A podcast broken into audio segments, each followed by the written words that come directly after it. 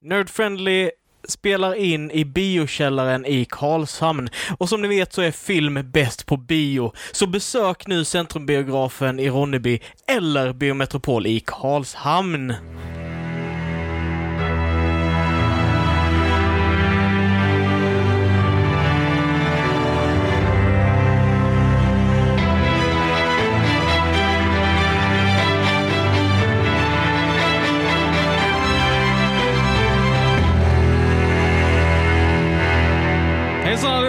Välkomna till dagens avsnitt av Nerd Friendly Podcast. Nerd! Friendly. Eh, podden där vi snackar film, spel, musik och allt annat nördigt mellan himmel och jord. Mitt namn är Christian Wernlund. Mitt namn är Alexander Levin och jag skäms för min nerdfriendly den här gången. Men visst, absolut. Ja, det är som jag och drakavsnitten som ni får höra om ni lyssnar på dem. Yes, gör det by the way. Japp. Eh, det var några veckor sedan vi spelade in ett Nerd-friendly avsnitt nu igen. Det har blivit lite paus. Men ni har fått och drakar i alla fall som vi är väldigt stolta Precis, ni kan fortfarande höra våra röster. Yes. Och det är huvudsaken. Inte vad vi säger, utan att vi hörs. Jag vet inte hur intressant detta är för folk, men det beror lite på då att jag har eh, börjat ett nytt jobb och sådär och eh, har varit och rest väldigt mycket runt om i södra Sverige. Japp. Eh, Jag skyller allt på dig. Ja, det är helt okej. Det Tack. får man göra. Eh, ett varningens finger för alla våra lyssnare att eh, vi kommer förmodligen, säkerligen diskutera saker i detta poddavsnittet som eh, skulle klassas som spoilers för någon som inte har upplevt eller sett det som vi pratar om.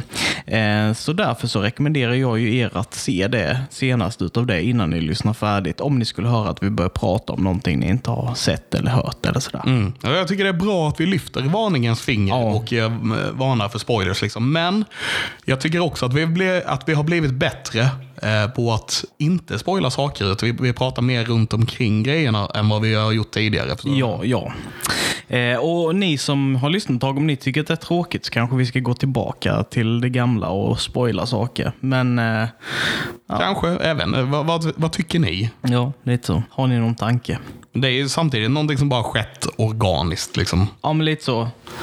av någon anledning. Jag vet inte. Jag tror det, eller, tror det har kommit lite från så här att jag har sett någonting som du inte har sett och så vill inte jag spoila det för dig och tvärtom. Liksom. Så därför så har allting blivit lite runt omkring it istället. Precis. Kanske. Jag tror också det har att göra med, för min del i alla fall, alltså så här att man, man, eh, de sakerna som man tycker är som man fick en känsla av eller någonting som... När Man vill inte förstöra Man vill för inte man- förstöra det för någon annan. Även om någon säger typ så här, "Ah, jag, jag bryr mig inte om spoilers liksom. Så kan man ändå liksom så här, om man missar en, om man får en spoiler på en sån grej så kan det förstöra liksom ens Definitivt. upplevelse lite grann. Jajamän. så. Eh, men med det sagt så tycker jag vi drar igång. Yes. Och vad ska vi börja prata om idag Christian? En man En man, ja. eh, som eh, han har en slags koppling till en form av djur. Precis. Eh, han heter inte Ove. Nej, Nej, det gör han inte. nej, det är en annan man. Och han heter inte Batman heller. N- Well, nej, det, nej. Men han heter Bruce Wayne. Han heter det är hans, han, liksom, han blev döpt till Bruce Wayne, men han eh, antar namnet Batman. Yes, The Batman som eh, gick på bio då förra veckan var vi och såg den. Jajamän. Eh, med Robert Pattinson och eh, andra personer. Zoe Kravitz. Ja, Andy, Andy Serkis. Andy Serkis. Gollum. yes. Eh, Colin Alfred. Farrell. Just det. Och vet man inte om det så kanske det är en chock, även om man har sett filmen, att han är med i. Precis. För my God, man känner inte igen honom. Nej, han ser inte ut som sig själv där. Nej. Han är Definitivt ganska inte. sminkad. Ja. Eh, jag, Hörde, jag hörde en kul historia från set att, eh, eh, och nu tappar jag namn på han, vad han heter, men han som spelar Gordon, ja, som antagligen gjorde min favoritprestation genom hela den här filmen. Ja. Eh, Han eh, hade gått till regissören och fått, eh, försökt få Colin Farrell utkastad från set för att han inte kände igen honom. Nej. Jo. Oh, Okej. Vet inte om det är 100% sant, men tydligen så hade Colin Farrell gått fram i sin penguin eh, liksom mask gått fram till han som spelar Gordon och typ bara du eh, den här grejen och den här grejen. Och han hade bara kollat på honom som han dum i huvudet, gått bort till regissören och sen så hade, de, så hade Colin Farrell sett dem liksom stå och peka på honom och han bara What? Oh my god! Vet. Ja, vad roligt. Det, Hoppas det är sant. jag hoppas det är sant. Eh, ja, vad har vi att säga om The Batman nu då? Min spontana tanke efter vi gick ut från biografen var att fan jag gillade den här filmen. Jag gjorde verkligen det. Jag, jag, det, där, det här var liksom, det, det kändes väldigt Batman. Vi, vi fick Riddler som är en av mina favoritskurkar och jag tycker att han gjordes på ett nytt spännande sätt. Liksom, eh, lite Zodiac Killer. Hela filmen hade en väldigt så här thriller-feeling. Typ Seven är ju kanske den där de har tagit mest inspiration från på kä- känslan. så. Ehm, och jag var supertaggad. Yes. Eh, jag eh, såg på filmen ytterligare en gång efter vi såg den också. Och gillade den nästan bättre på sätt och vis efter eh, andra gången. För att då, då visste jag vad jag skulle förvänta mig. Så filmen var inte lika lång. För det var mitt stora complaint efter första gången. Liksom, att den var, väldigt, den var väldigt lång. Den var längre än vad den behövde vara. Och den kändes inte lika lång efter andra gången. Okej. Men ju mer tid som har gått sen jag har sett filmen, desto mer kluven har jag blivit på den. Okej. Det är ändå intressant, för ofta brukar det vara tvärtom. Liksom, du rappar din, your mind liksom, eh, runt det. Ja. Men då, jag tänker att det kan vara en sån här klassisk eh, lite hype train grej där. Att du, du älskar Batman så himla mycket så du vill att den ska vara bra. Liksom. Ja, ja, jag och se den och liksom så här, få den här bilden som, som du vill ha. Och sen så med tiden så tynar den hypen bort och du ser det för vad det är egentligen. Typ. Ja, jag tror det är lite så. så här, jag, jag, jag har tappat filmen lite grann efter, efter den har fått smälta in lite grann, tyvärr. Vad, vad kände du när vi gick ut från biografen? Men jag, jag kände väl typ lite så här att eh, jag inte fattade riktigt grejen Eh, med den. Eh, och då ska jag försöka förklara detta till, för er som sitter där hemma nu och är jätteupprörda på mig för att jag säger att jag inte fattar Batman. Eh, jag tyckte ju, som du sa, att det var jättekul att se den här mer detektiven Batman. Ja. Mer den här thrilleraktiga, det här lite mörkare. Liksom. Batman har alltid varit mörka filmer, men det har varit mer mi- mindre... Adam West kanske inte var så mörk. Nej, men, men jag tänker typ... Eh, Sen 89 i alla fall. Ja, men, men även senare där också. Du har liksom det här lite mörkare teman i liksom Batmans psyke och, och Ja. sådär.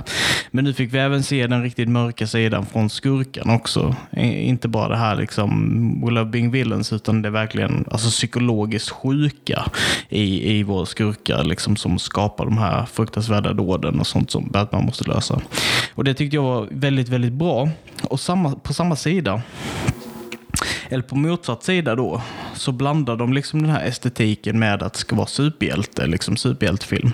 Och jag tyckte inte den eh, smälte ihop särskilt bra så ofta. Jag, tyckte, jag, jag blev liksom väldigt så här, varje gång det blev superhero stuff så drog det ut mig lite ur filmen för att den här filmen kändes som att den var inte gjord för att vara liksom superhjältefilm. Nej. Eh, och det, det någonstans där var en disconnect där som, som skedde. Liksom, där jag blev, min suspension of disbelief blev liksom förstörd. Eh, där, ja, den bytte miljöer och det var väldigt så här extravaganta, dystopiska, överrepresentativa miljöer utav Gotham. Då. Jag, jag minns du nämnde den väldigt gotiska stilen på Wayne Tower. Till Ja, ja. Och det- det var liksom så här att det är, från en scen till en annan kunde gå från nu ska det vara verklighet när de kommer och kör i en bil och det ska vara liksom realistiskt. Nu ska det vara comic book-miljöer. Liksom. Det, det var liksom ingen så här genomgående tema. Utan det var liksom De hade, inte, de hade inte vävt ihop det tillräckligt bra. Nej, de blandade ganska hejvilt. Och det, det är det jag menar att jag fattade inte riktigt grejen. Jag blev väldigt så kluven fram och tillbaka mellan de här två världarna i den här filmen. Eh, så. Yes. Och jag kan ändå fatta det mer nu när jag har fått smälta den lite grann. Jag vet att ingen av oss var särskilt nöjd med typ den sista halvtimmen eller vad det var av filmen. liksom. nej. Eh, den kändes off. Den kändes inte som den passade riktigt i filmen på något vis. Och det är ju en väldigt, den är ju mycket mer en superhjälte del av filmen kan man säga. Ja, ja. Ehm, och eh, jag, jag håller väl med om att man borde kanske hållit den på den mer thriller, mer Seven-aktiga Ja. delen och eh, kanske struntat i de, eh, de delarna. Jag vet att vi, vi stod och kom på ett bättre slut på den här filmen eh, Mm. efter vi hade sett det. Ja, det hade varit så jävla mycket fett. För då, då hade det varit verkligen det här thrillerslutet. Right? Eh, min, min och Levins eh, idé till slut är att man bara kapar den vid spoilers nu. Ja, ja. Eh, man bara kapar den vid när Riddler säger Oh, you haven't figured it out. Ja, precis. Och bara kapar filmen där. Ja, Och sen så dealar vi med the aftermath i nästa film, i början på nästa film. Liksom. yes. Och sen skulle så här, the end credit-scenen varit eh, fortfarande, eh, tycker jag, eh, fortfarande scenen när the Riddler är i fängelset. Men han kanske hade behövt agera på ett lite annorlunda sätt. För här, här är han ju typ besviken på att de räddade dagen eller whatever. Och att en annan karaktär pratar med honom från en annan cell. Dock tycker jag att det borde varit en annan karaktär än karaktären vi fick. För eh, vi fick ju Jokern. Ja. En disfigured Jokern som folk trodde var Two-Face ett ganska bra tag. Yeah. Jag sa ju det också när vi kom ut i bion, liksom bara att eh, han var så disfigured liksom, i siluetten att det, det readade inte som Jokern. Nej. Eh, och där har vi också lite den här disconnecten. Vi Ja. har den här cellen, liksom det här mörka som ska vara på något sätt en ja, väldigt hemsk del i, i, resten av filmen där allting ska vara realistiskt. Sen har vi en, typ den mest comic book-aktiga Jokern sedan, eh, vad heter han? Eh, Cesar Romero. Jack Nicholson. Jack Nicholson. Ja. Eh, liksom väldigt så. Ja, ja, ja. Men eh, Eh, som sagt, den scenen tycker jag ändå borde finnas kvar på något vis. Men att den hade kommit lite efter kanske så. Men att istället för Jokern så hade vi fått en röst som säger, eh, och vi behöver inte ens se han utan det kan bara komma från inifrån cellen, att en röst som säger hur han blev inspirerad av vad Riddler har gjort. Hur han blev inspirerad av skräckväldet eh, han, Riddler skapade i Gotham. Mm. Scarecrow. Scarecrow. Hur amazing hade inte det varit? Det hade varit så amazing. Yeah. De, de karaktärerna känner jag liksom att de hade kunnat skapa jävligt mycket kaos och eh, fucked up shit alltså. Yeah. Ehm, Det hade varit ett bättre slut. Och ja, vi är här för att göra era filmer bättre. In, inte, inte praktiskt sett, utan bara i teorin. Men ändå. yes. Ehm. Så eh, bara ut på Twitter, skriv att ni vill ha en nerd-friendly cut utav The Batman. Ja, Eh, precis. vad, vad, vad skulle det vara för has- hashtag? Vi kan inte ha restore the nerd friendly verse. hashtag nerdfriendlyverse. Hashtag nerd friendly verse. Så bara tar vi alla filmer och bara klipper om allting så blir Ja, ja, ja. ja, skit på. Yes, och så får vi spela in lite nya dialog och sådär. Ja, Men det, det löser vi. Fan vad kul det hade varit att bara om det hade varit en grej och vi hade bara fått köra reshoots med typ Jason Momoa. Nej, det blir ju helt fel. Men alltså, förstår, du vad jag menar? Ja. Bara typ så här massa andra filmer. Bara eh, ta in Chris Evan- Evans. Bara, nej men vi behöver, Vi behöver göra om vi den behöver här. göra om den här dialogen här vid. Eh, alltså det hade varit så ballt. Ja. Du och jag och en sketen kamera och Chris Evans typ Karlshamnstorget för vi inte har någon budget. Precis, du och jag och min gamla Lumix-kamera. Och... ja, det hade varit roligt. Det hade varit jättekul. Ehm, men just att de har Jokern i den scenen ehm, misstänker jag att de, jag misstänker att de vill bygga upp eh, the war The War of Riddles and Jokes, eller Jokes and Riddles. Som är liksom en comic book-grej där basically Riddler och Jokern har ett krig i Gotham. Ehm, jag, jag kan tänka mig att det är någon sån grej de vill bygga upp, även om de börjar som vänner är nu. Då säger de ju i scenen. Kan vara en sån grej. Yeah. Sen får vi se om... Sen har jag i och för sig hört ryktet om att The Court of Owls ska vara skurken i nästa film. Yes. Och det hade i och för sig varit ballt. Jag tror inte vi, förutom i tv-serier, så tror jag inte vi har fått någon live action-version av Court of Owls. Nej, det har vi kanske inte. Jag har inte så bra koll på Court of Owls. Eh, det, det, däremot så poppar det upp hela tiden ju nu. Ja, Eh, du har ju berättat då att Justice League eh, sätter upp för Court of Owls också va? Justice League. Nej. Nej, eh, Ti- Titans. Teen Titans, ja precis. Ja. De, de gjorde väl det. Nu kommer inte jag riktigt ihåg, men ja precis. Det var väl någonting med Owls i slutet där, om vad det var. Jag, jag tror du nämnde det. Ja. Och sen så också nu, jag ska spoilers för avsnittet, i nyheterna Gotham Knights. Kommer ju också vara kring Court of Owls. Ja. Eh, så det är mycket där. Ja, Det är mycket. De har blivit populära skurkar. De har aldrig varit mina favoriter, får jag inte säga. Men jag gillar idén bakom dem. Och det är, det är basically en, en, eh, vad ska man säga, en shadow government som styr Gotham i, från the underground kind of a thing. Det känns, ju, det känns ju lite som att det är det de bygger upp för i hur, hur de alltså hade mysteriet i denna The Batman-filmen. Ja, yeah. och Falcone var deras, eh, deras fall guy. Eller, Och han är en fågel. och han är en fågel. Det var mycket fågelgrejer. Eh, a rat with wings. Ja. Bara, a falcon has wings. A penguin has wings, sort of, but it can't fly. A bat has wings. Ja, det var mycket. Det var en annan grej med den här filmen lite grann. Liksom, the riddles var inte superbra. Nej. Du menar Batman bara listar ut dem direkt typ? Vilket jag är fine med, i och för sig. Men typ, eh, liksom när, när jag listar ut gåtorna innan Batman gör det i filmen så är det illa. Lite så. Nu hade jag hört den innan i och för sig, to be fair. Så det var inte att jag listade ut den så sätt innan. Men jag menar, det är inga svåra gåtor. What, what does a liar do when he's dead? He lies still. Det är mer en pann. Det är mer en pann det än vad det är en gåta. Liksom. Men alltså, och där är det också, tänker jag, för att få lite mer den här typ thriller-viben. Typ, alltså, gåtorna gav ju bara en ledtråd som Batman av någon anledning kunde lista ut med ledtråden direkt vad det var som hände. Liksom, Ja. ja, jag vet inte. De, men jag tycker de kunde gjort de kunde varit lite svårare. Och sen så hade de hela det här med, vad är det heter på svenska, ciphers. Ehm, som, som de tog direkt ifrån The Zodiac Killer, för han gjorde ju likadant. Skickade in ciphers till polisen. Det här var ciphers till The Batman liksom, och sådana saker. Med ännu fler ledtrådar, typ drive. Och sen så var det, det enda skämtet i hela filmen så var the thumb drive och stuff. Ja. Vad var det mer jag tänkte på? Jo, eh, jag vill bara nämna min favoritscen i filmen. Yes. Är ett väldigt litet moment egentligen. Men eh, jag vill, jag vill eh, nämna det för jag tyckte det var jätteroligt. Och det var vår enda Batman försvinner från Gordon-scen. Du vet den här klassiska scenen med att Gordon säger någonting så vänder han sig om, sen när han vänder sig tillbaka så är Batman borta. Vi fick en sån scen i den här filmen, för att det måste vi få, för att det är en Batman-film. Eh, dock i den här scenen så tyckte jag det var, det var klockrent. Var klockren delivery av han som spelar Gordon, som jag helt tappar namnet på som sagt.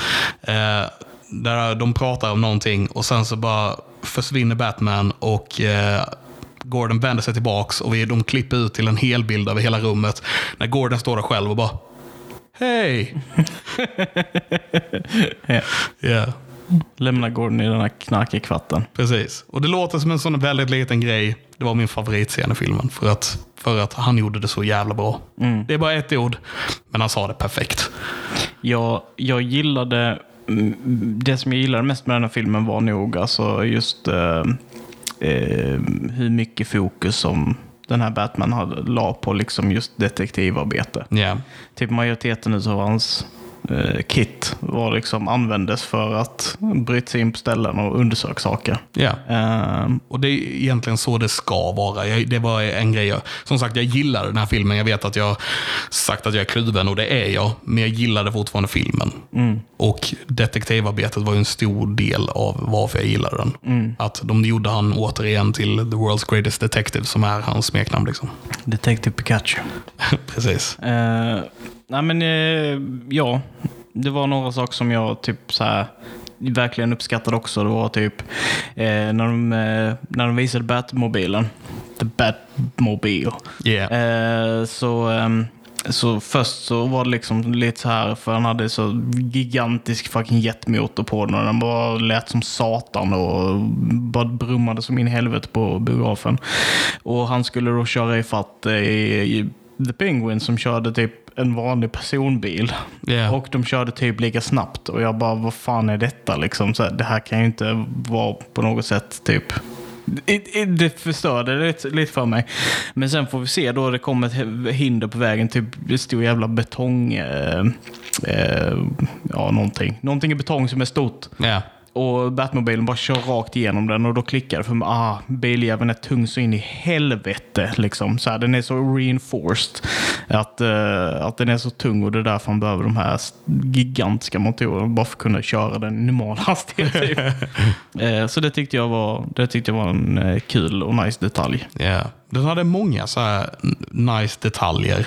Jag tänker även på scenen när de tar Gil, hette han va, som var the DA. När The Riddler tar honom. Och eh, du vet, han hoppar in i bilen och eh, den är helt immig på rutorna på insidan. För att The Riddler har legat och gömt sig i baksätet hela tiden.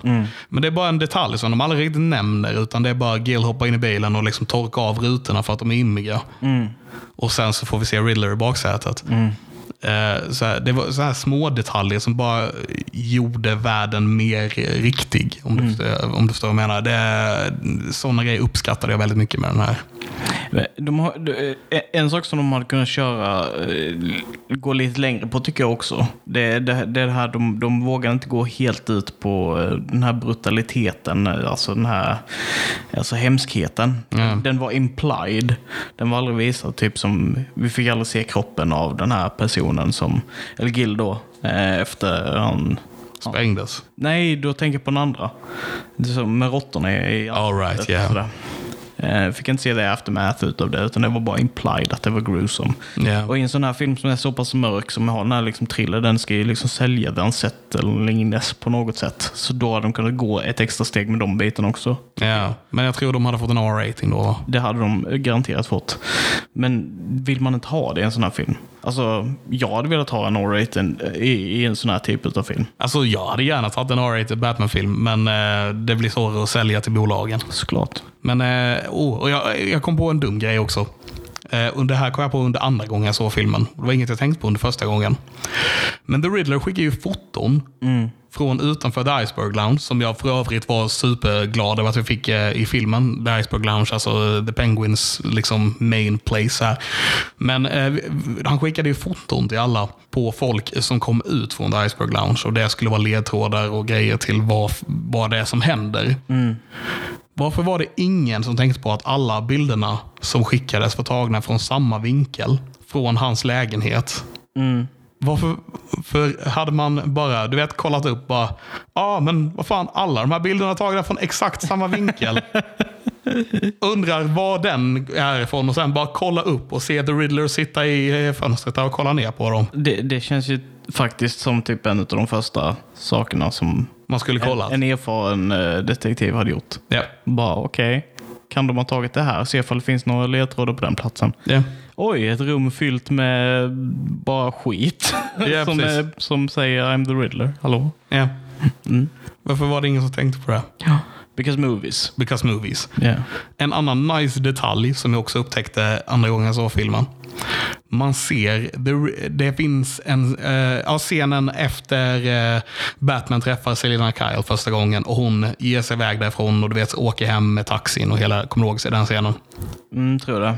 Då får vi en scen, eh, en bild eh, som är liksom utanför The Iceberg Lounge. Och uppe i ena hörnet ser vi en tänd lägenhet. Som är Riddlers lägenhet och vi ser någon sitta i fönstret. Så de visar Riddler liksom i början av filmen och de visar var han är i början av filmen. Okej, Men uppe i hörnet bara en kort sekund liksom. coolt. Ja. Det är verkligen nice. Det är också så här, en riktigt nice detalj. De, de hade också en sån här, eh, lite så med, alltså, den första scenen utav filmen. Där, eh, där eh, eh, Riddler kollar eller spionerar på, liksom, på en familj. Ja, den första scenen. Yes, Ja. som är väldigt lik scenen senare när Batman eh, observerar eh, ja, Selina.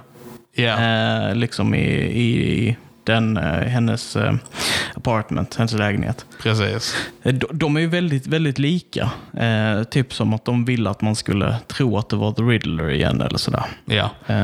Eh, och sen tror jag också den scenen är lite för att visa just likheten mellan The Riddler och The Batman. För eh, en stor del av temat i den här filmen är ju att även om man försöker, hur ska man förklara detta? Även om man försöker göra gott så kan man inspirera till ondska. Ja, ja Visst. precis. För det, det var ju lite det som Batmans lärdom i slutet var att han, han gjorde ju detta för vengeance och han, liksom, han eh, gjorde den här grejen ändå för att, för att han vill bring justice through vengeance.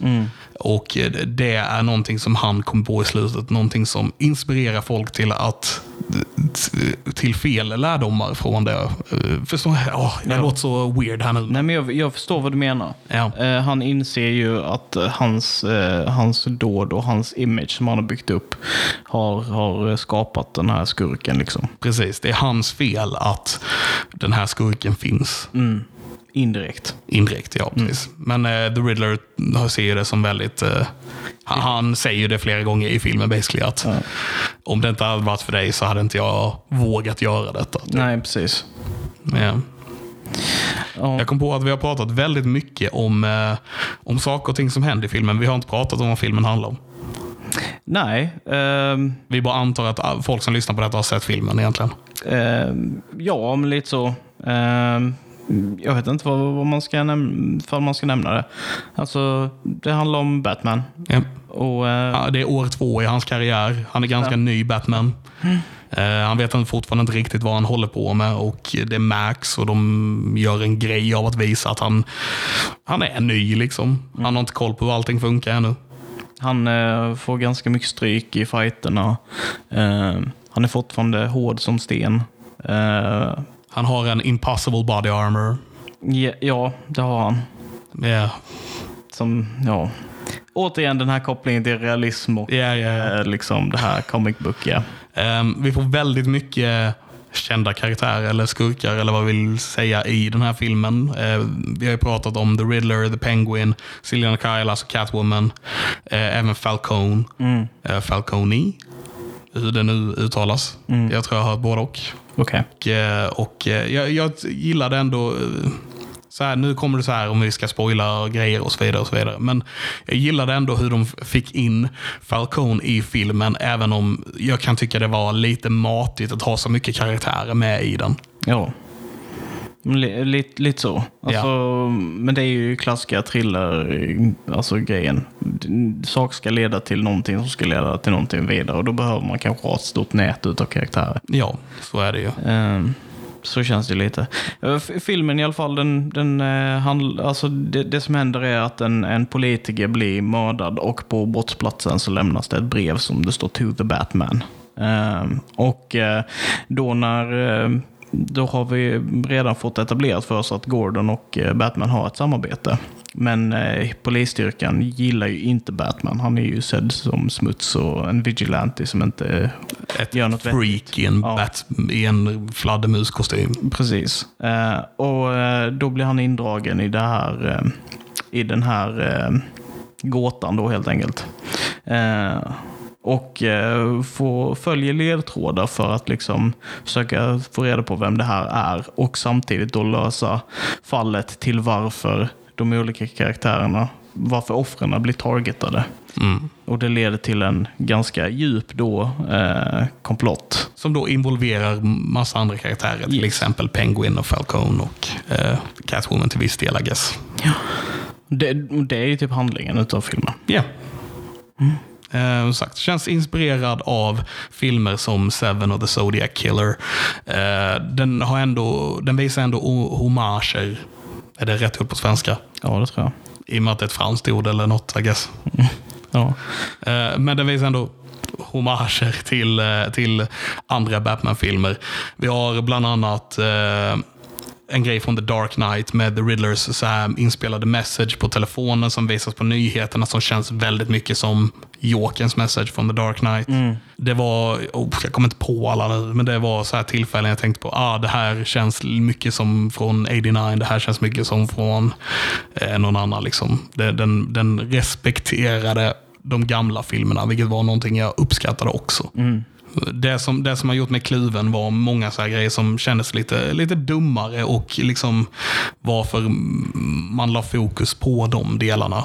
Som till exempel då att Catwoman och Batmans relation går i super fucking hastighet eh, och den borde saktats ner. Det var att det var, det var väldigt mycket hela tiden, eh, även om filmen var långsam så var det liksom, det var vi fick Penguin och så var det Falcone och så var det det här och den här grejen hände och folk knarkar och den här grejen och det här och det här. Samtidigt som den var långsam på något vis. Varför skicka, varför och gå Riddler till alla han mördar personligen, men skicka bara ett brev till Bruce Wayne Ja, när- för att mörda honom? It's just, det är bara för att han inte ska dö. ja. Och, och ja, som sagt, det är så här grejer som bara trycker ner den lite för mig. Som kommer hit och dit hela tiden. Men är verkligen så. Och där, där vill jag också, också lägga till det med, med Catwoman. Att, att hon, den, så som de byggde upp hennes karaktär kändes inte trovärdigt. Alltså, så, Nej. ehm, hon hade en alldeles för stor skiftning mellan vilken de byggde upp henne till att vara till att hon ska vara den här typ sexy och eh, alltså, vad heter det? Seductive eh, karaktären som liksom ska spela på Batman. Alltså den, den skiftningen däremellan var inte naturlig De överhuvudtaget. skiftar fokus hela tiden. Först är det ju bara så här, ja men jag vill hitta vad som har hänt med Annika. Mm. Och sen är det, jag vill hitta min mammas mördare. Och sen så är jag kär i Batman. Mm. Och sen så vill jag hitta mördaren igen. Men sen så blir jag lite kär i Batman igen. Och sen så var det någonting där med Annika igen. Det var liksom, det var, hon var lite all over the place. Ja. Ehm, så det, det kändes tyvärr lite, eh, och inte för att Zoe Kravitz inte gjorde ett bra jobb, för det gjorde hon definitivt. Men det var en, liksom, man hade kunnat lägga lite mer tid på manuset för sådana såna prylar. Det kändes som man la all tid på själva mysteriet och mindre på att skriva trovärdiga karaktärer. Ja. Um, Pattinson var, och ja, det är år två och hela den här biten och han är fortfarande ny. Men han var lite för emo. Liksom, vi, Ja. hade, vi hade kunnat få lite mer där känner jag. Och Pattinson kunde jobbat lite mer med skådespeleriet från det också. Ja, alltså han, han är ju ändå Robert Pattinson. Det är väl typ folk hade såg väl typ så här, han kommer vara en bra Wayne, typ mycket. Ja, och så fick vi inte Wayne Fick inte alls. Wayne alls, vi fick bara Batman-delen utav honom. Ja. Vilket han ändå levererade helt okej. Ja. Eh, men det var ändå en ganska stor saknad. Ja, precis. Det var, det var inget överspeciellt i typ så här hur han porträtterade Batman heller. Alltså det var, Det var inget utmärkande. Liksom. Eh, och det, det, var, det var eh, inte riktigt tillräckligt, även om det inte var dåligt heller. Liksom. Mm, precis. Eh, De som gjorde, dock älskade jag relationen mellan Batman och Gordon. Det tycker jag var Riktigt bra. Klockrent. Det var svinbra. Och sen tycker jag Colin Farrell, det märktes att han hade jävligt roligt under den här Ja, perioden. ja. Han, han, han stack ju ut lite grann bara för att det märktes så jävla kul han hade på den här inspelningen. Mm. Ehm, Och sminkningen av honom var ju fantastiskt gjord. fantastisk. Man känner inte igen honom. Nej. Det är helt sjukt. Och det ser inte påplastat ut. Nej, nej. Det ser bra ut. Det ser riktigt bra ut. Ehm, så ja, är vi redo för att ge den lite popcorn? Jag tror vi kan ge den lite popcorn. Mm. Vill du börja? Jag kan börja. Eh, jag tar och sätter en sexa. Där blir mitt, mitt popcorn. Ja. Eh, Okej. Ehm, Okej, okej. Är du besviken på mig Levin? Nej, eh, det är jag inte. Jag har funderat på detta. Eh, Detta känns som en sån här... Det känns viktigt för mig att, att popcorna. Ehm, och jag sa ju redan från början att detta är inte min... Även när vi gick ut från bion och jag var mer förälskad än vad jag är nu. Att detta är inte min favorit Batman-film. Den är inte topp tre, jag tror inte den är topp fyra ens. Men eh, den är inte sämst heller. Nej. Det finns eh, några stycken där som hamnar längre ner på listan. Liksom. För det är fortfarande en bra film och jag gillar fortfarande filmen även om den har mycket problem. Men jag... Crappy, crap, crap. Eh, jag, jag ligger och pendlar här någonstans mellan 6 och 7 Ja. på den. Och jag vet inte, och så Imma som sagt, och för några dagar sedan så hade jag sagt en sjua på den. Men nu när det har gått lite tid och, jag har, och den har fått smälta in lite grann så tror jag lägger en sexa också. Okej. Där har ni. Eh, årets eh, sexigaste film. Ja, För den fick dubbelsexa. för den fick dubbel sexa. Yes. 66. yes. Behöver en till. Som också ska säga sex. Right. Ja. Eh, men där har ni vår lilla genomgång utav The Batman. Eh, vår lilla. Vi har pratat typ en halvtimme om den. Ja. Eh, hoppas ni hade kul. Hade nog egentligen kunnat prata en halvtimme till om den, om vi ska vara såna. Ja. Det var mycket grejer vi gick igenom. Det är en lång jävla film. Ja, det är det. Eh, se den, eh, hör av er, säg vad ni tycker och tänker om den. Säg gärna till oss om ni tycker vi är helt fel eller om vi är helt rätt inne. Eh, det hade varit jättekul att se. Ja. Men då glider vi vidare till... Eh, Vad har vi nördat sen sist? Så Christian, vad har du nördat sen sist? oh du. Jag har inte nördat så mycket, men det jag har nördat har jag nördat asmycket. Och vad är det för någonting? Elden ring. Right. Eh, Eh. Spelet eh, gjort av, eh, vad heter han, Himasaki? Ha, Eh, Maya- Miyazaki. Miyazaki och eh, George R. R. Martin. Yes. Yes. Precis. Eh, spelet är ju ett From Software-spel i liknande stuk som Dark Souls-spelen är och eh, även Demons eh, Souls eh, som kom för ett eh, massa, massa år sedan. Ja, det är väldigt svårt att eh, säga vad det spelet handlar om eftersom eh, storyn som i alla sådana här spel är väldigt mycket eh, världs eh, uppbyggda story-moment liksom. Så man kan göra lite vad man vill om jag har fattat rätt. Typ. Ja, till skillnad från de andra spelen så är detta open world, vilket innebär då att du har möjlighet att ta dig runt i världen på eget bevåg. Liksom, du har liksom inte att du måste gå i viss korridor för att ta dig vidare och sådär. Utan du kommer ut ur då den första eh, platsen där du hamnar i och sen så kan du liksom börja röra dig runt om i världen. Lite som du själv vill. Eh, Men så självklart så ökar ju svårighetsgraden på fienden du möter ju längre bort från början du kommer. Du spelar, du är någon som de kallar för en tarnished som har kommit till det här landet för att restora the elden ring. Eh, och du har då en karaktär som möter upp dig och ser att du är eh, maidenless, kallas det. Right. Du har ingen maiden.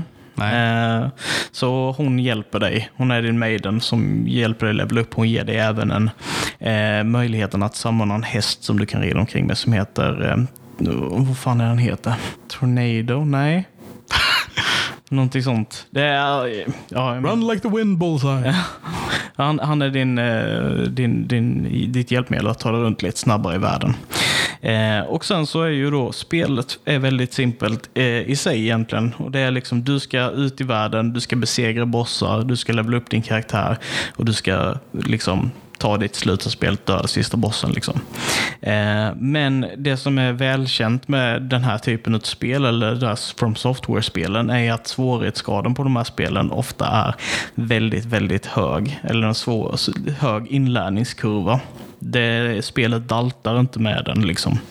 Eh, du får en tutorial-boss i början bara för att lära dig hur man gör vissa saker. Men sen så är det liksom bara in och bli totalt jävla mördad utav fiender. Liksom. Om och om igen tills Yes. du lär dig hur du ska döda dem. Exakt. Ja. Eh, och jag eh, kan ju berätta om min lilla resa i, den här, eh, i det här spelet. Började köra en karaktär, en samuraj. Eh, började komma in och tänkte köra lite bleedbygge så att när du slagit fienderna till många gånger så tar du mycket skada utav då din bleed-skada. Ja. Så kom jag en bit i, in i spelet och liksom, en kompis sa det, ah, men jag har hittat en viss bossstruktur. Så här, så här ska man döda, den här ordningen ska man döda bossarna. Så jag tänkte testa det. Så sa jag, ja okej, men jag, jag testar det också. Liksom. Och det här var när jag var inne i typ 30 timmars speltid eh, på min första playthrough. Så startade en ny gubbe och jag började köra på den istället. Eh, när jag var ganska långt in i spelet med den andra. Och nu är jag ungefär 30 timmar in på den också. Eh, Right, så det här är ett bra spel. det är riktigt, riktigt bra spel. Ja. Det har jättemycket problem i sig. Som, som är typ buggar och sådana här saker som, som förstör upplevelsen. Det var ju ganska stor mängd människor som inte kunde spela spelet när det släpptes. För att eh, det var inte så väloptimerat med vissa CPU och eh, GPU-kombinationer. Så Okej. det var väldigt mycket lagg. Så vissa personer hade jättemycket problem med det i början, vilket är jättetråkigt. Eh, och även då har jag hört att de som kör med mus och tangentbord, att, att bindsen med kontrollerna är fruktansvärt dåliga för det. Men jag kör ju med kontroll så att jag har inte det problemet. Okej. Eh, men så, så det finns ju mycket sådana saker som är lite små, smådryga eh, med spelet. Men i sin helhet så tycker jag att det är hur jävla roligt som helst.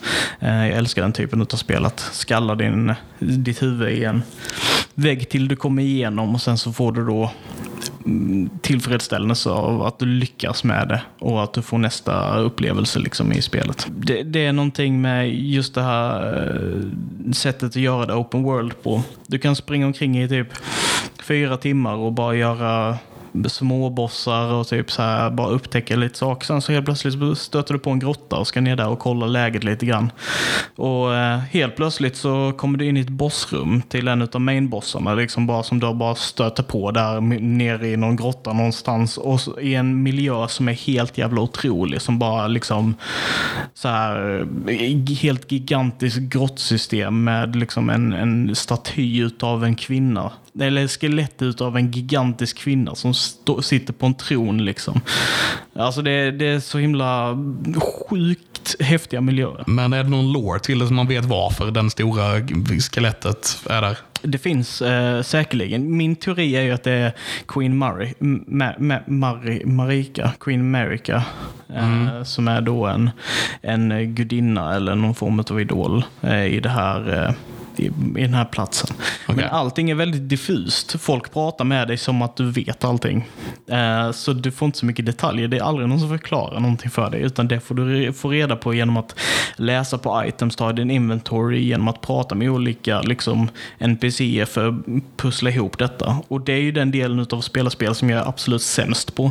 Så jag kan inte jättemycket om loren i den här. Nej, det kommer om ett tag en eh, så här, world book från George. R. Martin eller någonting. Där. Det, det gör det säkert.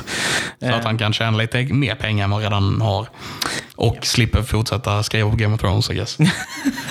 ja, en, en anledning till att låta bli det. Ja. Eh, nej men så Det är det som jag har nördat basically. Jag lyssnar på en jävla massa musik också, men jag kommer lite till det med nyheterna och sådär med. Okej, okay, okej. Okay. Så Levin, vad, vad har du nördat sen sist?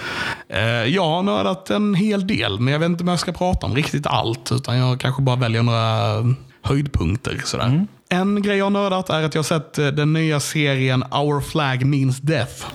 Okej. Okay. Mm. Jag tror jag har nämnt serien i podden vid något tillfälle innan den kom. då. Mm. Det är en eh, Taika Waititi-producerad serie som handlar om en rikt baserad på en riktig historia om en aristokrat, eh, jag vill säga brittisk men jag kanske har fel på det. En aristokrat som heter Stede Bonnet. Eh, som bara typ sålde sina egendomar och drog från eh, stan och eh, blev, bestämde sig för att bli pirat. Trots att han inte visste någonting om det. Okay. Mm. Han bara lät bygga en stor båt, hyrde ett crew och drog ut och bara nu är jag pirat. Och sen så seglade han runt på haven och låtsades vara pirat. Okej. Okay. Och det hände på riktigt. Mm.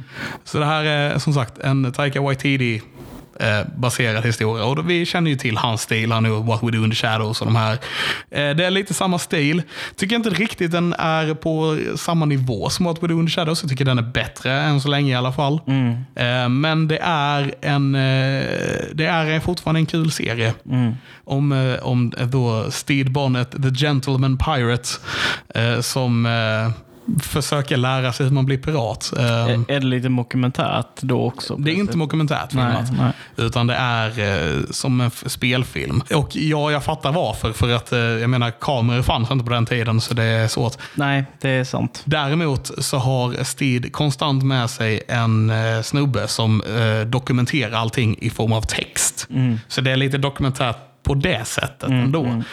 Uh, och det kanske är det som är lite skämtet. Att du vet, det här är What We Do In The Shadows fast pirater istället. Ja, ja. Och så har de en snubbe som går runt och skriver alltihopa. Så det, det, jag tror det är ett skämt på det lite grann. Mm. Um, men den är väldigt kul. Uh, några avsnitt in i serien så uh, träffar Steve barnet på Captain Blackbeard som vi har hört talas om i några avsnitt. Mm. Den skräckinjagande eh, Captain Blackbeard som mördar alla han ser och eh, alla andra pirater är rädda för honom. Eh, spelad av Taika Waititi. Mm. Och eh, då humorn kommer in i att Steed och eh, Blackbeard blir polare. Mm. För att Blackbeard vill lära sig bli lite mer av en aristokrat. Medan Steed vill lära sig bli lite mer av en pirat. Så att de hittar ett samarbete där och ska försöka lära varandra. Och eh, deras crew om man säger Steve Bonnets crew som bara är så här låtsaspirater. Som är bara wow it's Blackbeard, oh my god. Och du vet alla är så här fans och han bara hey, call, call me Blackbeard, you don't need to call me sir. du vet sådana här saker. Eh, och eh, sen Blackbeards crew då som istället bara vad är det här för jävla fjantar? Vad fan håller vi på med? Kan vi inte bara döda dem och du vet åka vidare? Ja. Och eh, ja, där är serien ungefär så de håller på att lära sig saker och ting. Blackbeard har precis lärt sig vad passiv, passivt aggressiv betyder. Ehm, och han eh, var inte nöjd över det. Okej. ja. Den är rätt kul. Den är rätt kul. Det låter intressant. Men den hade kunnat vara bättre. Alltså den känns lite B ibland. Vad ser man den? HBO eller? HBO Max har den precis. Jajamän. Uh, by the way, uh, Steve Bonnet spelas av Rhys Darby ska jag säga också. Jag vet inte om det är ett namn som folk känner igen direkt. Men jag tror däremot att det är ett ansikte som alla känner igen. Okej. Eller inte alla, men väldigt många känner igen. Det är, han är australiensare, möjligtvis nyzeeländare. Eh, jag har inte så stor koll på skillnaden med dialekten hos de två. Men uh, däromkring. Han har varit med i serier som eh, Flight of the Conchords. Han var med i Yes Man om jag inte är helt fel. Ja, men det är det han... Eh, ju- just, det är chefen va? Ja, precis. Ja. Chefen i Yes Man. Ja. Och deras manager i Flight of the Conchords. That guy. Och eh, han, jag tycker, han gör det kul. Han gör det bra. Han är en ganska rolig prick. Ja, han, han passar ändå in i rollen som den här snubben som eh, låtsas vara pirat fast han inte vet vad fan han håller på med. Ja. med. Och jag menar, han låtsas knappt vara pirat. Han är en ris- aristokrat som bara, okej, nu ska vi, eh, du vet, nu ska vi stjäla från dig. Men du kan få den här grejen tillbaks mot att vi stal de här grejerna. Det känns inte okej att vi får ta det. Okej. Det är, ja, så det är lite dumt sådär. En annan grej jag har sett är Vikings Valhalla. Och det är ju, vad ska man säga, eh, sequel-serien på Vikings. Som de gjorde. Den utspelar sig, jag vet inte om det är hundra år efter Vikings-serien eller någonting kanske. Och eh, ja, nej men den var okej. Eh, jag ska vara helt ärlig och säga att eh, jag somnade under de första typ två, tre avsnitten. Men jag kollade på de nästa avsnitt. Ja, nej men kul, kul att, att du tycker om den eller så. Att du gillar att titta på den och så. Jag bara, alltså, Ja, Du menar Vikings-serien? ja. Alltså, jag kollade lite på den för att jag skulle prata om den i podden. Ja. Nu när jag är här så vet jag inte riktigt vad jag ska säga om den. Nej, alltså, jag, jag känner ju, när jag kollade på Vikings så såg jag typ ett par, tre, fyra säsonger kanske. Eh, och det var ju mest egentligen för att, jag, jag minns inte vad han heter, men han som spelar Ragnar Lothbrok Ja, är så jävla bra på att ha den rollen liksom. ja, ja. ja. Och de bygger upp liksom deras, alltså hans, eh, hans sinne och liksom vad de ska ta sig för någonstans och sådär. Eh, på ett så jävla bra sätt. Och sen så tappar den typ allting när han börjar försvinna ur serien liksom. Eh, håller fullständigt med. Själva Vikings-serien kollar man ju på på grund av vissa specifika karaktärer. Och han, Ragnar Lothbrok var en av dem. Floki. Floki Lagatha, La, heter hon va? Ja, ja. Ehm, och liksom de gjorde den serien och sen eh, bara tappade de helt på vad den serien handlade om. Mm. Sen kom Ivor the Boneless som var lite samma grej. Han var rätt kul att kolla på också. eh, kan jag tycka. Men jag tror aldrig ens jag har kollat klart den serien. Nej. Utan eh, jag tror jag hade sista halvan av sista säsongen kvar eller något sånt. Och jag har aldrig kollat klart på det. Mm. Men eh, ja, nu har den här sequel-serien kommit då som sagt. Och de pratar lite om eh, händelserna som hände i Vikings. Men nu handlar det om nya karaktärer då. Någon som vill bli kung och någon som du vet inte vill det. Och sen så har vi några som vill kristna alla vikingar eh, som mördar dem istället typ. Och eh, Ja, och där, och där håller på serie, där håller serien på, eller vad man ska säga. Och eh, så här, den är inte superspeciell, men eh, gillar man Vikings så tror jag åtminstone man eh, kommer tycka den här serien är okej. Och eh, det är väl ungefär det. Det var inget så här, inget, inget som stod ut direkt kan jag inte säga. Nej. Det är en svensk eh, skådespelare som spelar en, en av karaktärerna, en av dem från Island. Och det, en grej som stör mig lite grann är att du vet alla har den här fake skandinaviska dialekten. Ja. Och hon är den enda som har den riktiga skandinaviska dialekten. Och det låter fake när hon pratar. För att alla andra har pratat i den fake skandinaviska dialekten. Fy fan vad typiskt. Det är jättekonstigt och jag, jag är så irriterad på mig själv för att jag stör mig på henne som har den riktiga dialekten, men inte på de andra som har fake-dialekten. Men det borde vara tvärtom. Ja. Men det är för att alla andra pratar så är det störigt. Eh, Utspelar den sig i typ eh, Storbritannien då, eller är den eh, runt... Det är samma ställen typ. Eller så här, Kattegatt, som var väldigt mycket i Vikings-serien. Eh, det var lite i Paris, om jag inte är helt fel. Jag tror de eh, försökte, du vet, ta Paris igen. Ja. Blir osäker, var det Paris? Jag tror det var Paris. Och sen utspelade sig väl lite i England också. Där eh, någon försöker, där någon har blivit kung av England basically, en viking. Okej. Ja. Eller åtminstone delar av England. Så det, nej men som sagt, den, den är lite som Vikings, men den är inte Vikings. Andra grejer jag kollar på, jag har också sett eh, The Adam Project. En ny film på Netflix. Och eh, det är en film med Ryan Reynolds. Eh, redan där bara, yeah, yeah, yeah. Regisserad av Sean Levi, Okej. som också gjorde Free Guy Okej. Mm. och Stranger Things. Bland annat. Och det är en film som handlar om tidsresande. Fy fan vad gott. Yeah. Filmen startar med att Ryan Reynolds har snott ett flygplan som också är en tidsmaskin och blir jagad för att han har stulit den och blir skjuten på samtidigt som han reser tillbaka i tiden.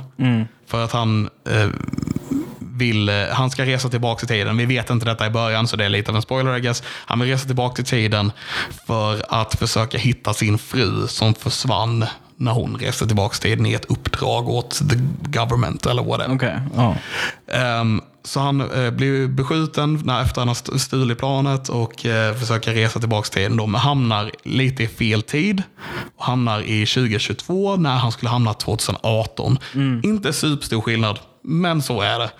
Han, och som av en slump så råkar han kraschlanda typ i närheten av där han själv bodde när han var liten. okay. Och eh, måste nu samarbeta eh, med sin, to- sitt 12-åriga själv för att typ kunna laga sitt flygplan. som Det var hans egna flygplan han hade stulit för att han, han jobbade för The Government som en, som en pilot. Liksom. Men han hade tog det utan lov och därför blev han jagad. Typ. Och eh, Av någon anledning funkar då det här flygplanet så att om man är för skadad så vill inte det så kan inte planet eh, köra någonstans för att jag tycker att du ska till sjukhuset istället. typ. Eh, Och han har ju blivit skjuten och grejer så det är väl ett start att han måste använda sitt 12-åriga själv och försöka laga flygplanet så att han kan ta sig 2018 och hitta sin fru. Och där är filmen lite grann. Typ. Det, det händer mycket mer grejer och eh, stuff men jag vill inte avslöja för mycket här. Nej, jag blev direkt sugen på att se den. Ja. Den var, den var rätt kul faktiskt. Det var inte den bästa filmen jag sett men den var kul. Den var rolig. Hette den The Adam Project? Ja, precis. Och eh, Ryan Reynolds spelar då en karaktär som heter Adam Reed. All right. Yes. Kul. Jag gillar de här typ små B eh, eh, Ryan Reynolds-filmerna och sånt där också. Ja. Typ eh, R.I.P. Division Ja, precis. eh, och lite sådana. Med Men- Kevin Bacon som skurken. Ja, det var ju dock typ den stora besvikelsen med att Kevin Bacon är skurk. Eh, Men, ja, men så här, Ryan Reynolds är alltid kul. Det går alltid att kolla på hans film, även om de är dåliga på något vis. För att han, han är så charmig och rolig. Och jag vet att vi snackar alltid gott om Ryan Reynolds här, men, eh, men han förtjänar det. ja, det är svårt att låta bli. eh, en scen i Adam Project när eh, de, de måste åka in till stan, till apoteket för att köpa grejer för att som sagt han har blivit skjuten så han måste fixa sig själv. typ. Eh, där unge Adam springer på sina mobbare som han har samtidigt som stora Adam kommer ut. Och han bara, nej jag ska inte stoppa fighten, jag ska låta er eh, slåss här. Typ, och bara, typ, du vet, till mobbarna. Sen så bara, jag ska bara prata lite med honom först. Och han bara, du vet, okej, du, måste, du måste visa dem att du vågar stå på dig. Eh, Du måste slå tillbaka nu. Och eh, du vet, säg så här och så säger han någon väldigt eh, säger han och så här, någon inspirerande mening. Bara säg så här till dem och sen så böjer du ner och bara slår dem, slår dem på pungen och så liksom eh, så tar du detta, så tar du detta. Eh, let's go. Och han säger han någon mening för att avsluta det bara. Let's go, eh, smoke that banana eller någon sån här grej. Och sen så kommer då unga Adam in och bara I'm gonna smoke your banana. Vilket är helt... och sen blir han nitad. Eh, It's so dumb. Men det är kul att se liksom en äldre version av någon försöka hjälpa en yngre version av sig själv med sina gamla mobbare. Om du fattar vad jag menar. Jag förstår. Yeah. Alltså, jag har ändå typ fantiserat om den grejen. Om, om jag hade kunnat säga någonting till mitt 12-åriga jag, vad hade det varit liksom? Och, typ så här. och hur det förmodligen hade bara backfirat som in i helvete. Liksom. På samma sätt som du gjorde här. Ja. Ja. Det, här det känns ju lite grann som att personen som har skrivit den här, som hette Mark Levin om jag inte är helt fel. Oj. Ja, ja, ännu en anledning till att jag gillar den här filmen. Mm. Bara för att uh, ena manusförfattaren har ett snyggt efternamn. Ja. Stavas fel dock. Ehm, Enkel V eller? Ja. Ehm, det känns ju lite grann som att han har fantiserat om detta också. Bara, Tänk om jag hade kunnat åka tillbaka till tiden och bara så här, peppa mig själv inför att slå mig ge tillbaka till mina mobbare. Och använt sig av det. Jättekul. Jättekul. Ehm, Inte mobbning då, utan idéer sånt som, som folk kan relatera till och typ så här göra en grej i en film och Precis, precis. Humor. precis. Ja. Eh, det finns också ett ganska mycket hjärta i den här filmen, tro det eller ej. Eh, det handlar ganska mycket om hur ehm, så, så deras pappa dog typ ett par år innan eh, den här filmen utspelar sig. Och eh, Den handlar ganska mycket så här om hur, eh, hur hans mamma försöker vara stark fortfarande för unga Adam då och hur Adam hanterar situationen genom att vara kind of ett sarkastiskt rövhål som Ryan Reynolds är i verkligheten. Eh, och hur, eh, hur de måste beha- behandla sina föräldrar bättre. Och det, det finns liksom eh, ganska mycket hjärta i filmen också. Runt eh, tidsresande och funny stuff. Liksom. nice. Det, det, det var en film värd att se. Inte den bästa jag sett, men jag gillade den. Mm. Och eh, ja, jag har ju mer grejer som jag kan prata om, men jag tror jag stannar där. Eh, nej, nej, nej, nej, nej, nej, nej, nej. En sak till vill jag nämna. Okej. Okay. En sak till. Eh, det blir ganska kortvarigt. Okej, okay, go not. Yes. Jag har sett The Boys-serien. Jag vet att du också har gjort det. Mm. Men jag har sett spin-off-serien, eller vad vi ska kalla det. Okay. Som heter The Boys Diabolical alright. Och det är, den är animerad och är typ som eh, den här Star Wars-serien där det var liksom en ny person som gjorde animationen i varje avsnitt. Okej, ja. ja. De gjorde liksom samma grej fast med The Boys. Så de har tagit in Justin Roiland för ett avsnitt, eh, Seth Rogen för ett avsnitt, eh, Ai- Aisha Taylor för något avsnitt och så, liksom så har de nya skapare för varje avsnitt och berättar en historia inom världen av The Boys. ja, ja. Eh, och den var, jag gillade den som fan. Den var väldigt kul faktiskt. Ehm, men det var ju liksom varje avsnitt för sig. Var, alla avsnitt var ju egna liksom. Med en ny stil och, och såna här saker. Sånt är kul, typ antologier i, i den typen. Ja, ja, ja. har alltid tyckt att sånt är häftigt. ja. Och eh, nu har de gjort det. Och du kan ju tänka dig hur det kan bli i en animerad version av The Boys-världen. Ja. Ja. Något brutalare. I, kanske, jag vet inte om det är så mycket brutalare egentligen faktiskt. Nej. It gets more weird though. Ja, mm. Ja. Ja, ett avsnitt, jag tror det är det avsnitt som Justin Roiland gjorde, eh, handlar om liksom så här the reject superheroes. Eh, när de får reda på att det är deras föräldrar som har tryckt in det här knarket i dem för att göra dem till superhjältar. och hur, om hur de ska hämnas sen. Okej.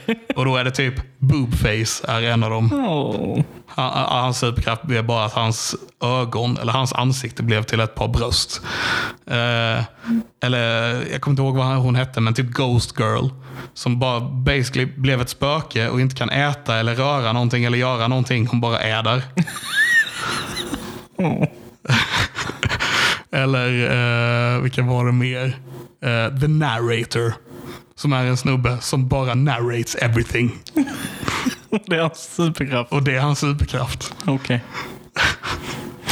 Och eh, ja, så det handlar om, basically, om hur de ska hämnas på sina föräldrar då, som har gjort detta. Och, ja, nej, det, det, var, det var väldigt värd att se får jag säga. Speciellt om man gillar The Boys då. Ja, det här var kul. Jag, tror, jag tror faktiskt man måste ha sett The Boys för att kolla på den. alltså man kan ju se den ändå, men man kommer inte fatta grejen tror jag inte. Den är, alltså The Boys är väldigt specifik i sin typ ja, satir och humor. Liksom. Dock kan jag säga att sista avsnittet i den här serien, eh, kommer inte ihåg vem som var som gjorde det, men den hänger ihop med serien. Okej. Eh, utan att spoila vad det handlar om eller någonting så är det, den är någonting som direkt har påverkat serien. Eller vad man ska säga. Och det vad jag nördade sen sist. Nice. Men då glider vi vidare till...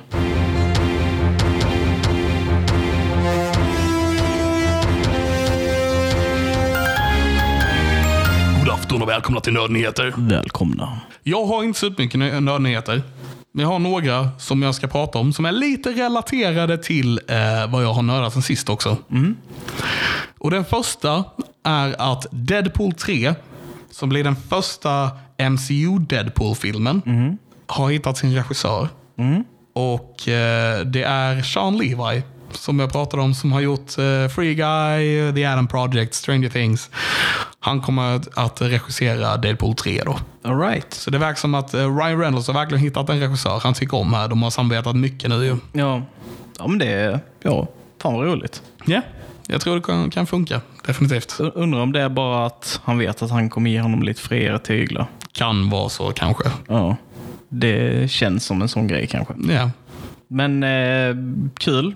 De, funkar ju uppenbarligen ihop och lyckas producera schyssta prylar liksom. ja. Så jag vet inte om jag sett Sean Leva göra någonting riktigt så grovt som Deadpool är tidigare. Nej, Uh, Free Guy inte så, Stranger Things är inte direkt så. nej. Eh, och eh, The Adam Project var inte så heller. Så Men vad man ser i Stranger Things är ju liksom att, att, han, att han vågar gå på det hållet. att han har ett mörker han kan Ja. plocka fram också. Ja. Säsong två med de här typ body horror-grejerna. Ja, ja, ja. Alltså väldigt så här disgusting. Dock är jag inte helt hundra på om det var Sean Le- Levi i säsong två också eller om han bara gjorde säsong ett. Okej. Jag ska inte svära på det. han Nej, kanske har gjort alltihopa liksom, men eh, jag är inte helt säker. Ja, jag vet inte. Eh, men ja, det ska bli kul att se vad han hittar på med, det, med den filmen i alla fall. Ja. Han, det kanske blir lite mer disneyfierad med honom. Alltså det är väl kanske det de vill och det är väl det som många är oroliga över också. Ja, Att disneyfiera Deadpool, för Deadpool har varit fruktansvärt bra och än så länge liksom. ja. Eh, och egen. Eh, och det är väl det som är, hade varit lite tråkigt om de hade dragit tillbaka honom nu lite grann. ja, vi får väl se. Ryktet säger att han ska vara med i eh, eh, vad heter det? Multiverse, Doctor Strange-filmen. Mm. Och det verkar ju som att väldigt många ska vara med där i den filmen. Alltså det hade ju varit så jävla kul. Det hade varit skitkul. Jag menar, vi vet ju at this point att vi kommer få Patrick Stewarts Professor X till exempel. Han är ju han och han. Hans, hans röst är ju med i trailern i alla fall.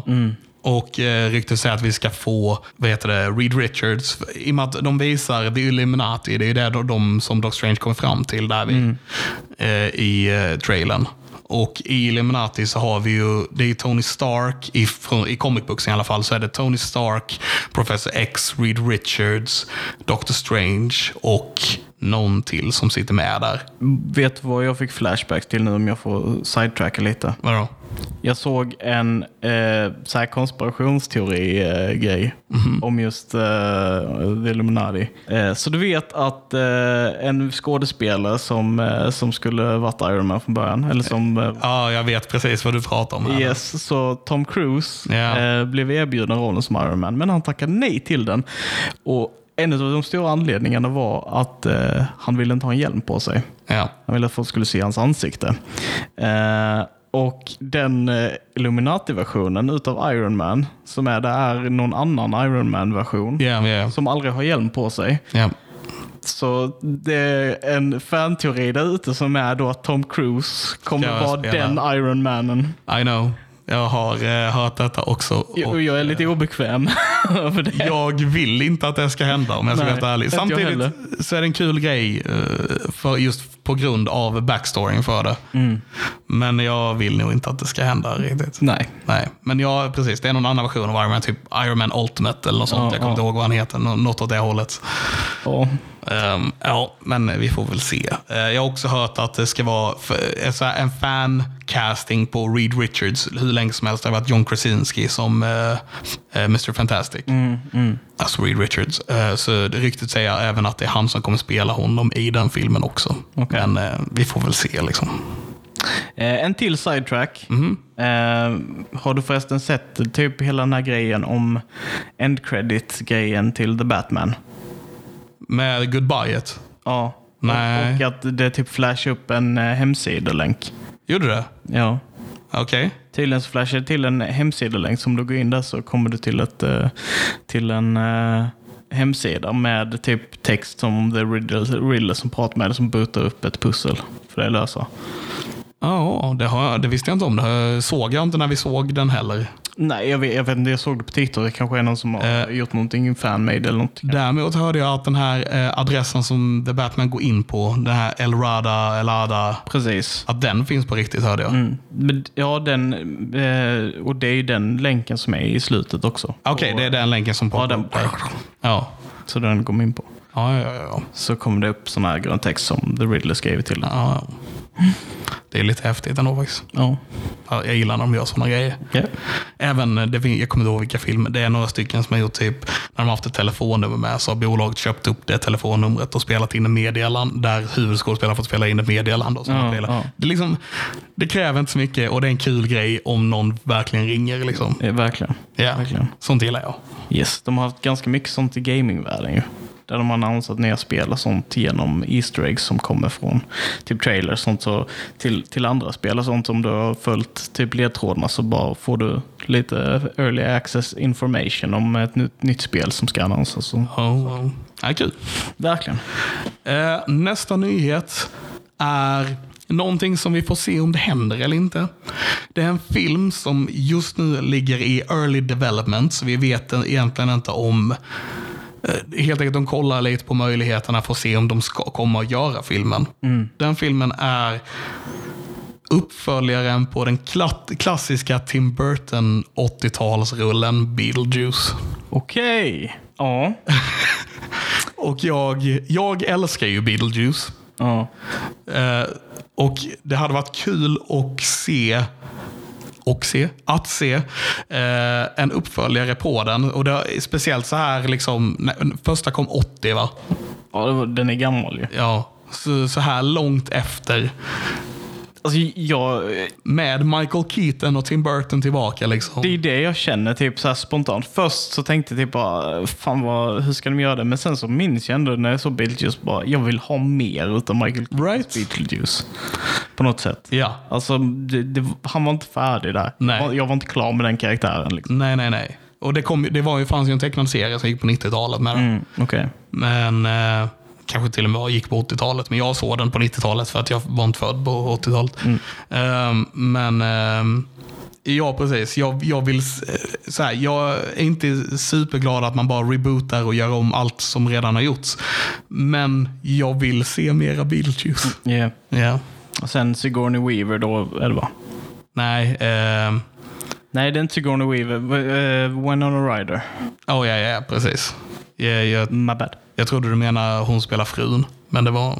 Nej, jag, jag menar Winona Ryder. Jag Ja. sa fel namn. Yes. Eh, ja, Ja, nej, så det hoppas vi, hoppas vi blir kul. Eh, och att det blir av. Eller jag hoppas det i alla fall. Alltså jag hoppas typ att det inte blir av. Men om det blir av ska det bli kul att se Michael Keatons Beetlejuice igen. Okej, nej, jag, jag hoppas nog att det blir av bara för att jag vill se det. Nej. Eh, sen har jag några grejer som jag bara tänker nämna lite sådär också. Det är inte riktigt nyheter för att man har vetat om det ett tag, men jag tänker bara ska nämna det lite grann. Yes.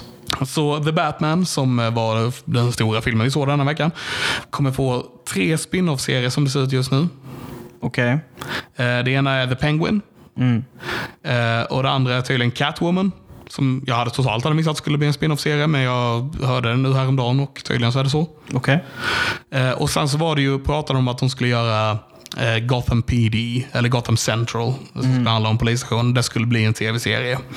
Eh, den har tydligen utvecklats, så det blir inte längre Gotham PD, utan det kommer bli eh, Arkham Asylum istället. Okej. Mhm. Och de har beskrivit det som en slags skräck, skräckserie som de ska göra, som ska utspela sig på Arkham Asylum.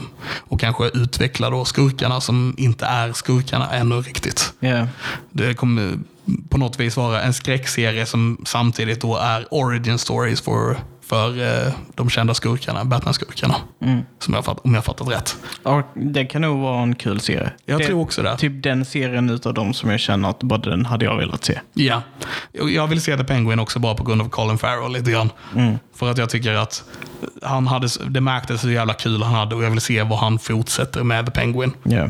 Sen så det, så här, det känns superkonstigt att man, äh, att man anställer Colin Farrell och spökar ut honom till att se ut som The Penguin för att göra rollen istället för att anställa någon som faktiskt äh, ser lite mer ut som The Penguin. Det är konstigt om man bara kollar på Colin Farrell och hans typ så här stora roller. Men om man kollar på typ The Lobster Ja. och the weird shit som han har Sure. gjort. Så han, är ju inte en sån som gillar att köra typ phone booth eh, rollen utan det känns ju som att han vill ha the weird stuff och grotta sig ner i det ordentligt. Sure, sure. Men jag tycker det känns konstigt från, från eh, liksom bolagets perspektiv. Ja, ja, det är absolut. Att, om vi ska vara sådana nu, liksom att fula ner någon för... en- Ja, nej, jag vet inte. Men eh, ja, jag, jag är intresserad av den anledningen. Men jag, jag är också mest taggad på Arkham Asylum av de serierna får jag säga. Eh, sagt, så Gravity gjorde ett bra jobb som Catwoman. Eh, och eh, jag kommer kolla på den också. Men eh, det är nog den som intresserar mig minst av de här i alla fall. Ja. Och vi fick en Obi-Wan teaser, är nästa grej jag vill nämna, eh, häromdagen. Och jag är superjäveltaggad. Okej. De visade Sith Inquisitors som ska vara med i serien. Oh my fucking god. Eh, vi vi fick höra Duel of the Fates i trailern. Åh, nice. Eh, och vi fick se liksom, eh, Obi-Wan sitta och spionera på unge Luke och det var lite creepy som alltid när äldre herrar kollar på småpojkar. Men eh, man fattar när man har kontexten där. Vi. Men, nej, men det ser ut som att den kommer att bli bra. Och att den kommer bli... Det, det ser ut som att det kommer bli basically att serien kommer handla om Obi-Wan som liksom vakar över Luke och samtidigt måste slå bort The Sith Inquisitor som jagade honom för att vara en av de sista jedis liksom, som Ja, eh, ja. de jagar ner under den här tidsperioden. Jag är supertaggad.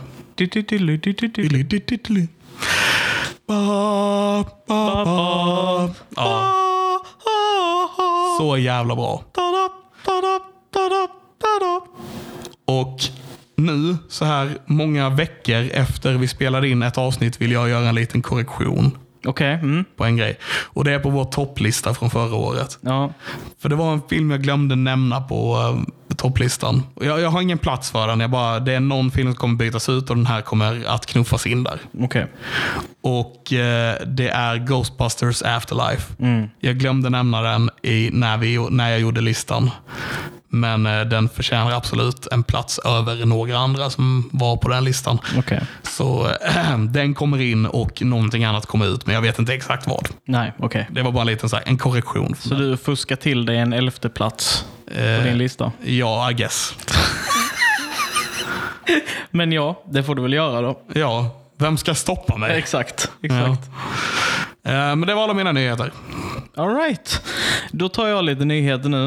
Eh, och i vanlig ordning, så jag är ju inte den eh, bästa på att prata så flödesaktigt med mina nyheter. Så jag tar upp lite anteckningar som jag har fört här när jag har gjort lite research. Den första nyheten som jag har att säga är att eh, Dead Space-rebooten, som jag tror att jag nämnt ti- tidigare. Ja, det känner igen det. Eh, den planeras att släppas i början på 2023. Eh, information eh, kom ut att de i stort sett hade ett färdigt eh, spel. Eh, men nu ska det alfatestas och det ska poleras liksom tills det går att släppa det. Så jag är skittaggad på det. Dead Space som är eh, en av mina favoritspelserier. Zombie i rymden. Basically ja. Ja, Eh, ja. Det, det är en, eh, fast det är också lite cosmic horror i det. Okej. För att det är liksom en eh, obelisk, eller vad man ska säga, eh, som, som de har tagit eh, ombord skeppen för de är mining ships som är ute i rymden. Liksom. Och då är det en sån här obelisk som skickar ut en signal, typ som morfar människor så de blir så här necromorphs. Så de får så här extra limbs och blir typ helt eh, flesh craving och galna. Oh. Och det är liksom ett survival-skräckspel, eller det var det till en början. Och sen så gick de mer och mer ifrån det. Och tredje spelet har jag inte ens spelat ut för att jag tyckte det var så kast och bo- långt borta från originalkonceptet. Ah, Okej. Men eh, jag gillar spelet, det är coolt. Eh, nästa nyhet jag har är ett Humble Bundle, som jag tror jag nämnt tidigare. Vet du vad det är? Känner igen eh, orden, men I don't know. Okej, så Humble Bundle är då ett, eh, en välgörenhetsorganisation som, eh, som eh, gör deals med olika spelföretag så att de gör så att du kan spendera en viss mängd eh, pengar. Liksom. I början så var det hur mycket du ville för att få ett spel. Och pengarna gick då liksom ganska så oavkortat. De tog väl en liten del för att kunna administrera och sådär. Men sen, ganska stor del av den här positionen gick till en välgörenhetsorganisation. Så det är liksom det som är konceptet av Humble Bundle. Okej. Och det finns kvar idag så man kan liksom spendera 10 dollar, få typ fem spel eh, och sen så går majoriteten av det du spenderar på spelen till välgörenhet. Eh, så det är en, Fint. Ja, det är en bra cast för oss gamers så vi också kan göra något vettigt. eh, men de har i alla fall valt nu att stoppa all försäljning till Ryssland och Vitryssland. Ah, Okej, ja. Eh, och deras nästa bundle kommer att gå till Ukraina. Så kan varmt rekommendera att gå in och checka om det är något spel man vill ha. Så går det också till att stoppa, eh, ja, att hjälpa till i det här kriget. Nästa nyhet som jag har, lite relaterat till Elden Ring som vi snackade om. Mhm. Eh, eller väldigt relaterat. Spelet har ju varit ute i ungefär två veckor nu. Okej. Ehm, och nu är det en, jag, ni fick även lite kontext till hur mycket jag har spelat och hur lång tid det tar och sådär. Eh, det är en speedrunner nu som har klarat det på under en timme. Det är helt sinnessjukt. De här jävla idioterna alltså. Det, Eh, han heter Lil Aggie på Twitch. Eh, och man kan säkert komma åt och se hans eh, resa, hur han klarade det spelet på under en timme. Det, Eh, ja, det är sjukt. det är det. Good for him. Good for him. Bara på tal om Elden Ring förresten, såg du att eh, Critical Role släppte en one-shot med ett eh, tabletop inspi- eh, inspirerat av Elden Ring liksom, Ja. när de spelar? Jag såg att de släppte det, men jag, jag, det var för få utav originalcasten. Så jag, Ja, det var, vilka var det? Det var Sam och Sam Marisha, det var Sam Marisha. Right? tror det var de. Och jag, jag tyckte det var inte direkt min favorit one-shot de har gjort. Eh, den- de hade några kul moments. Ett, eh, av, ett jättebra moment tyckte jag var, eh, Brennan Lee Mulligan är ju en av spelarna i den Mm. också. Vet du vem det är sen tidigare? Nej.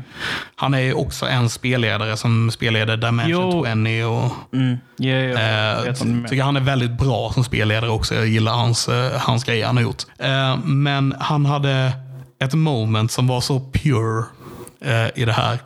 Och det var eh, på en bad guy, när han dödade en bad guy så fick han ett How do you wanna do this? Mm. Och man ser hur han bara Oh my god, I've been watching this show for so many years and I got a how do you want to do this? I, I'm so happy right now. och det var, bara, det var bara så pure så man bara ah. Ja, ja. Vet. Sånt eh, riktigt fan som har fått typ sin dröm. Ja, det, precis. Det var precis så det kändes som att han var ett jättefan av Critical Role. Som dessutom är själv involverad i liksom hela D&D-världen på sätt och vis. Ja.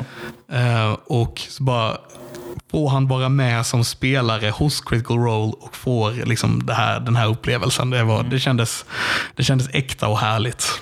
ja, vad fint. Ja.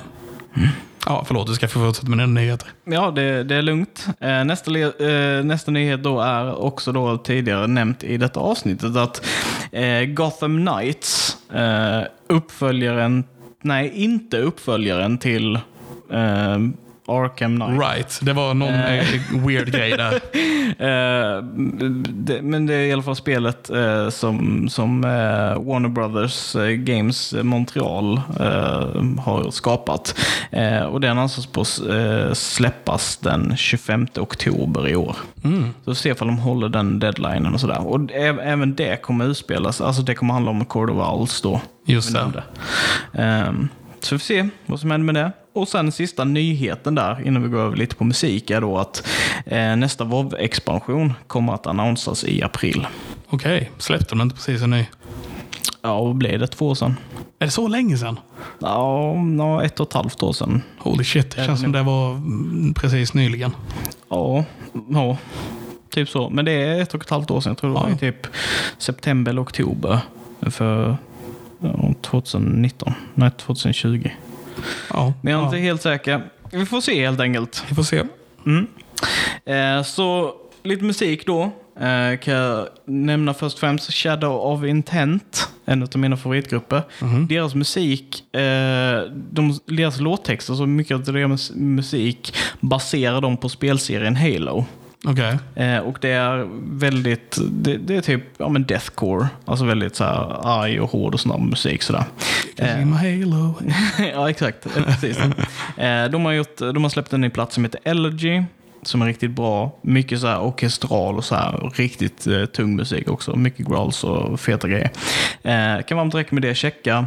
Eh, precis innan vi startar här nu så såg jag när jag kollade runt lite grann att Tool har släppt en ny singel.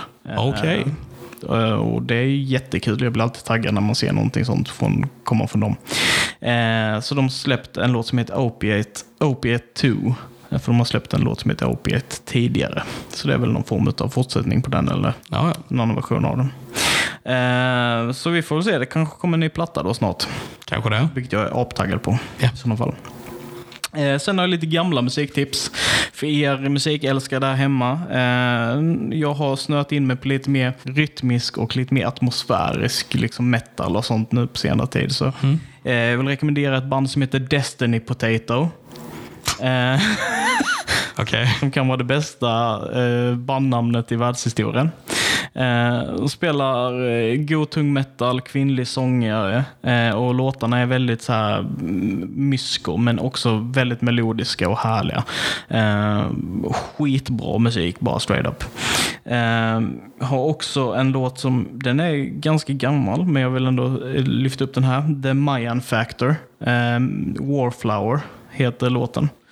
Eh, den är riktigt jävla bra. Också så här typ eh, atmosfärisk och groovy liksom. Jag har ingen aning om vad låten handlar om. Men den är riktigt god. Jag har liksom en, en djup och en känsla i sig. Eh, Välproducerad. Eh, och den sista då, eh, låt som jag vill rekommendera här är Caligula's Horse Marigold.